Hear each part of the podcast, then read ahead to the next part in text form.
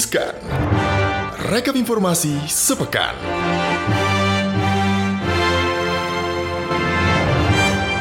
Selamat pagi, selamat siang, selamat sore, selamat malam, Sobat Cuan.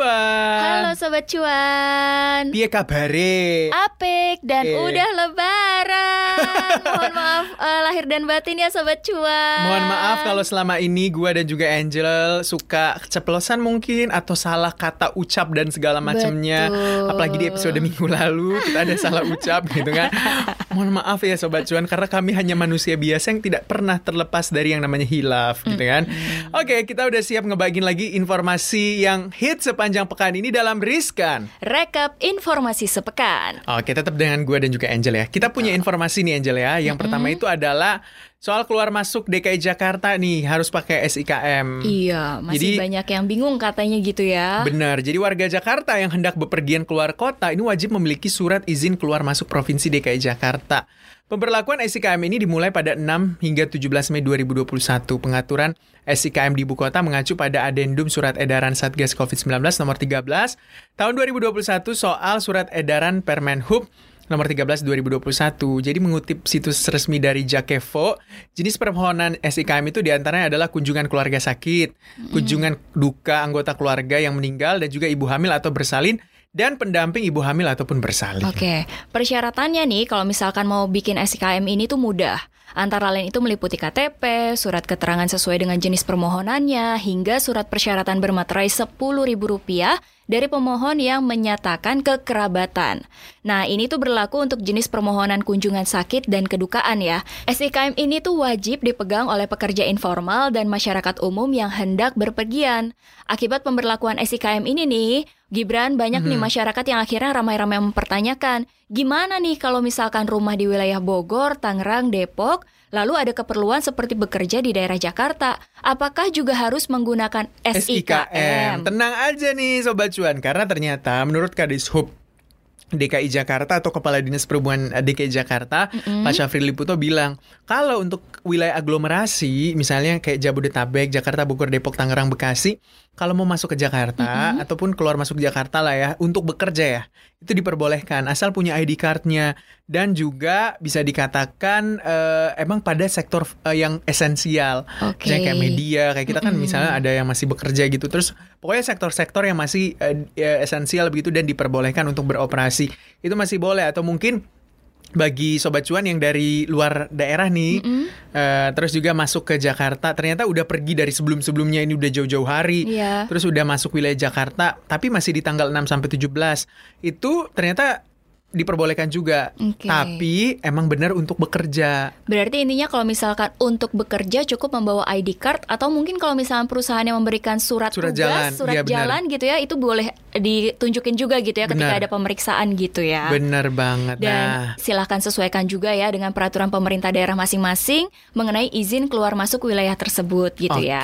benar banget. Seperti itu sebenarnya. Tapi kalau misalnya butuh SIKM, ya tetap harus melampirkan kayak gitu kan. Misalnya Anda mau kembali ke Jakarta gitu dari mudik, ya tetap harus melampirkan SIKM kalau di tanggal 6 sampai 17 itu. Betul. Caranya Anda ke kelurahan setempat Anda. Kalau Anda tinggal di Bandung, misalnya di mana ya? Di mana ya? Cicahem gitu ya. Anda di Cicahem gitu. Anda harus punya SIKM dari kelurahan setempat gitu. Nah, ini bicara soal masih mudik-mudik juga ya. Walaupun gue nggak mudik ya, Sabar FYI. ya, udah berapa tahun gak mudik Sebenarnya kan? selama gue jadi wartawan nih Jel, gue tuh udah tujuh tahun gak lebaran di rumah. Serius, Serius? tujuh tahun? Tujuh tahun deh, tujuh Kangen kali berarti.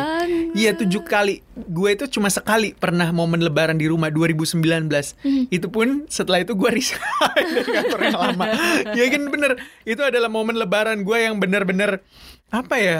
2019 tuh kita udah masuk. Eh bukan 2019 sorry, dua iya 2019. Oh iya benar-benar. Belum ya, belum masuk ya. Gua itu belum masuk, masih iya. masih peralihan masih gitu peralihan ya. masuk ke CNBC gitu tapi bener-bener gue tuh lebaran yang gue cuti tiga minggu itu 2019 gue baru merasakan le- libur lebaran selama gue jadi wartawan Betul. gitu nah ini eh, bicara soal mudik juga nih ini efek larangan mudik ternyata traffic udara dan juga laut dan semuanya ya itu turun Anjlok anjloknya gitu itu 90% ternyata nih Betul. nah larangan mudik itu berhasil menurunkan jumlah mobilitas masyarakat Mm-mm. ini tercatat jumlah angkutan darat, kereta api, juga transportasi penyeberangan terpantau menurun di hari keempat masa peniadaan mudik yang berlaku 6 sampai 17 Mei 2021 ini. Jadi uh, usai melakukan sejumlah tinjauan di beberapa titik gitu ya waktu itu seperti di pelabuhan penyeberangan Bakahuni, Merak serta pos penyekatan di gerbang tol Pejagan Jawa Tengah, Menteri Perhubungan Budi Karya Sumadi mengatakan, di sektor udara itu turun sekitar 93 persen, kereta api turun hingga 90 persen, sektor laut turun 90 persen. Artinya nih peniadaan ini efektif berjalan dengan baik sementara angkutan logistik logistik berjalan stabil. Sementara dari pantauan di Merak dan Bakahuni, pergerakan logistik itu hanya mengalami penurunan 5%. Budi Karya meminta angkutan logistik untuk tetap beroperasi atau berjalan tanpa hambatan di masa peniadaan mudik ini. Betul banget. Jadi, dari pantauan Merak dan Bakahuni, ternyata pergerakan logistik hanya mengalami penurunan 5% ya. Uh. Kalau kita lihat. Jadi, sebenarnya kalau untuk logistik tetap bisa berjalan, mau udara, darat ataupun laut, laut semuanya tetap, tetap berjalan. Bisa. Cuma jangan sampai Anda dititip ke logistik ya. Akal-akalan lagi kayaknya nih. Banyak kan manusia-manusia kayak gitu gitu kan. Rela jadi paket gitu ya. paket, gitu kan? Itu jangan sampai ya. Jadi kalau ini berdasarkan data 8 Mei 2021 ternyata hari ketiga itu masih ada tercatat penumpang yang berangkat dari Pelabuhan Merak dengan kepentingan non mudik ya. Mm -mm. 3050 penumpang uh, dari 25.000 sampai 28.000 penumpang per harinya di hari biasa. Jadi penurunannya emang lumayan sangat efektif berarti ya. Iya benar. Dan aturan ini. Sebenarnya para pengusaha PO bus gitu mm -hmm. kan, pengusaha otobus juga itu mengatakan bahwa emang penurunannya itu sangat-sangat signifikan gitu orang-orang yang menggunakan bus, terus juga menggunakan uh, kereta api juga, terus menggunakan kapal laut, apalagi bandara. Mm -mm. Suta, sumpah sunyi Sepi banget cuy. banget ya. Iya kayak jarum aja jatuh itu bisa dengar gitu. Iya artinya uh, masyarakat benar-benar sudah mematuhi ya, Bener. ya, mematuhi aturan imbauan dari pemerintah tujuannya pasti sama kita semua sama untuk uh, segera berlalu lah ini Bener. pandemi ini ya jadi kita semuanya sama-sama menaati, menaati peraturan untuk tetap di rumah aja kita mau gitu apresiasi ya. tepuk tangan terima kasih ya sobat cuan dan semua masyarakat Indonesia yang begitu patuh gitu kalau yang ada yang belum patuh ya semoga suatu saat bisa patuh gitu ya kalau ada aturan-aturan kayak gini nah kita ke informasi selanjutnya ini berbicara masih tetap dengan pandemi ya, mm -mm. karena masih di tahun pandemi juga 2021. Tapi ada kabar baik kabar menggembirakan baik bagi umat Muslim. Nah, ternyata di 2021 ini Alhamdulillah ibadah haji diperbolehkan oleh pemerintah Arab Saudi. Takbir! Ya gitu kan. Alhamdulillah. Coba gimana informasinya? Pemerintah Arab Saudi ini akhirnya mengumumkan secara resmi bahwa ibadah haji 2021 ini boleh dilakukan di negara tersebut. Tapi ada persyaratan kesehatan dan keselamatan yang menjadi catatan khusus. Karena pandemi ini kan masih mewabah secara global gitu ya. Nah, Kementerian Haji dan Umroh ini mengatakan semua standar dan peraturan kesehatan akan diterapkan untuk menjaga para jamaah. Institusi kesehatan akan menilai situasi dan mengambil semua langkah untuk menjaga kesehatan seluruh umat. Bener banget. Meski demikian langkah spesifik ini belum diumumkan sebenarnya oleh pemerintah Arab Saudi, tapi pemerintah juga berjanji merilis beberapa waktu ke depan ya. Nah, tahun lalu ibadah haji yang biasanya diikuti lebih dari 2,5 juta muslim atau sekitar pendapatannya bisa 12 miliar US dollar gitu kan, mm -hmm. yang melakukan perjalanan ke Mekah dipatasi untuk pertama kalinya dalam sejarah modern. Arab iya, Saudi itu hanya memungkinkan 1000 jemaah aja, bayangin dari 2,5 juta, juta Buset, hanya seribu jamaah. Ini karena social distancing juga Benar. kan. Dan sebelumnya juga Reuters itu menyebutkan kalau jemaah haji dari luar negeri akan dilarang masuk ke Saudi bukan cuma karena pandemi tapi juga kebingungan kemanjuran vaksin melawan virus corona. Jadi bayangan bayangin ya ke pendapatan Arab Saudi itu kan juga salah satu dari sektor haji dan juga Itu yang paling besar ya. Paling besar selain minyak ya. Selain menjual minyak gitu, salah satu yang besar itu. Dan itu kayak jadi recurring income pendapatan berulang gitu setiap tahunnya akan terjadi. Bahkan bukan tahun juga setiap bulan mungkin ya kalau umroh juga bisa uh, berulang begitu bagi pemerintah Arab Saudi.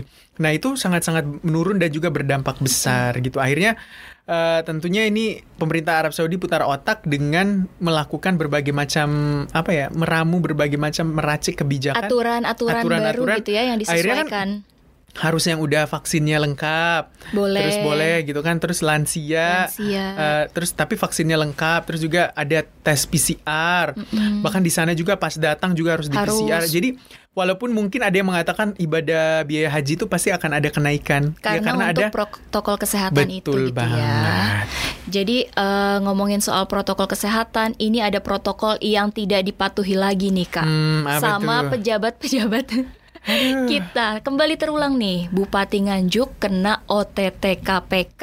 Aduh. Aduh. Ini nih kayak lagu lama yang bercerita Lagu lama kaset kembali. kusut ya kak. Iya kayak halo gitu. Kamu nggak capek ya? Mm, Jadi Komisi Pemberantasan Korupsi ini kembali melakukan operasi tangkap tangan. Kali ini adalah Bupati Nganjuk Jawa Timur, Novi Rahman Hidayat.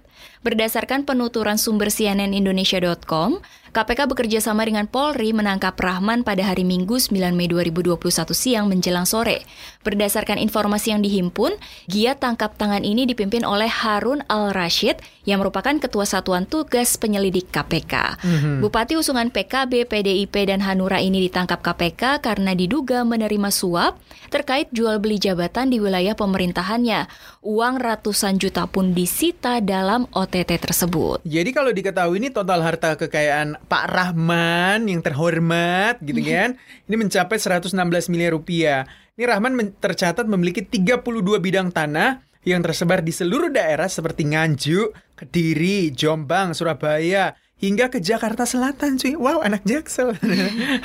Terus nilainya itu 32 bidang tanah itu mencapai 58 miliar rupiah. Pak Terus Rahman ini juga tercatat Kak memiliki tiga mobil senilai 764 juta rupiah. Mhm. Kemudian harta bergerak lain yang nilainya 1,21 miliar rupiah dan surat berharga senilai 32 miliar rupiah. Wow, dan juga Rahman ini tercatat memiliki harta berupa kas setara kas alias uang tunai gitu kan. Ini kas setara kas uang tunai 26 miliar gitu kan. Dan tapi punya utang 2,45 miliar rupiah. Ya tapi nggak ada apa-apanya dibanding hartanya yang 116 miliar itu. Mungkin. Pak Rahman pas ini bisa melunasi utangnya 2,45 miliar gitu kan. Ya gimana dong bapak-bapak yang terhormat. Gue tuh agak speechless sebenarnya ketika melihat di zaman pandemi masih ada orang korupsi, Iya. terus juga jual beli jabatan.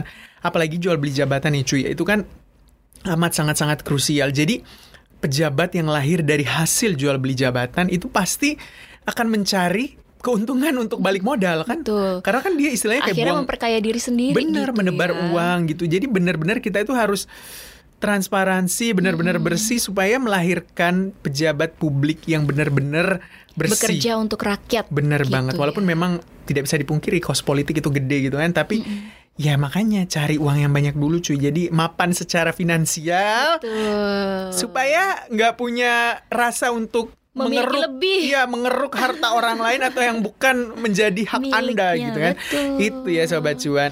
Oke. Jadi jangan ditiru ya sobat cuan, kita harus tetap jujur, bersih dan tetap mematuhi protokol kesehatan. Iya betul banget. Nah itu dia sejumlah informasi yang udah kita bagiin di minggu ini. Semoga eh, lebarannya semua alhamdulillah lancar, puasanya udah lancar dan kita akan memasuki bukan bulan Ramadan lagi ya, itu bulan Syawal lagi ya, Bulan betul Syawal banget. lagi. Kalau yang masih mau puasa, puasa Syawal boleh. Istilahnya kita dimulai dari nol ya, Benar gitu ya. ya. Semuanya kita mulai lagi dari eh, yang baru-baru lagi gitu ya. Oke, semoga Gitu, semuanya sobat cuan itu sehat, Amin. Eh, sukses. Amin. Apalagi cuan ya? terus cuan terus gitu ya. Tetap dengerin CNBC Indonesia, eh, dengerin lah dengerin cop-cop cuan, nonton Ya. CNBC Indonesia, baca juga CNBC Indonesia. Di mana kita bisa dengerinnya? Kita bisa dengerin eh, podcast cuap cuan ini di Spotify, Apple Podcast dan juga Google Podcast. Kemudian juga bisa eh, lihat informasi-informasi mengenai seputar eh, berita-berita bisnis, ekonomi dan keuangan itu juga di eh, Instagramnya cuap cuan di @cuap underscore cuan. Sobat cuan sekarang juga bisa loh nonton YouTube-nya cuap cuan di YouTube channelnya cuap cuap cuan. Jadi jangan lupa di subscribe, comment, share dan like ya. Oke, kita mau pamit undur diri dulu ya Sobat Cuan. Tetap jaga kesehatan. Gibran. Angel pamit. Happy long weekend. Bye sobat cuan.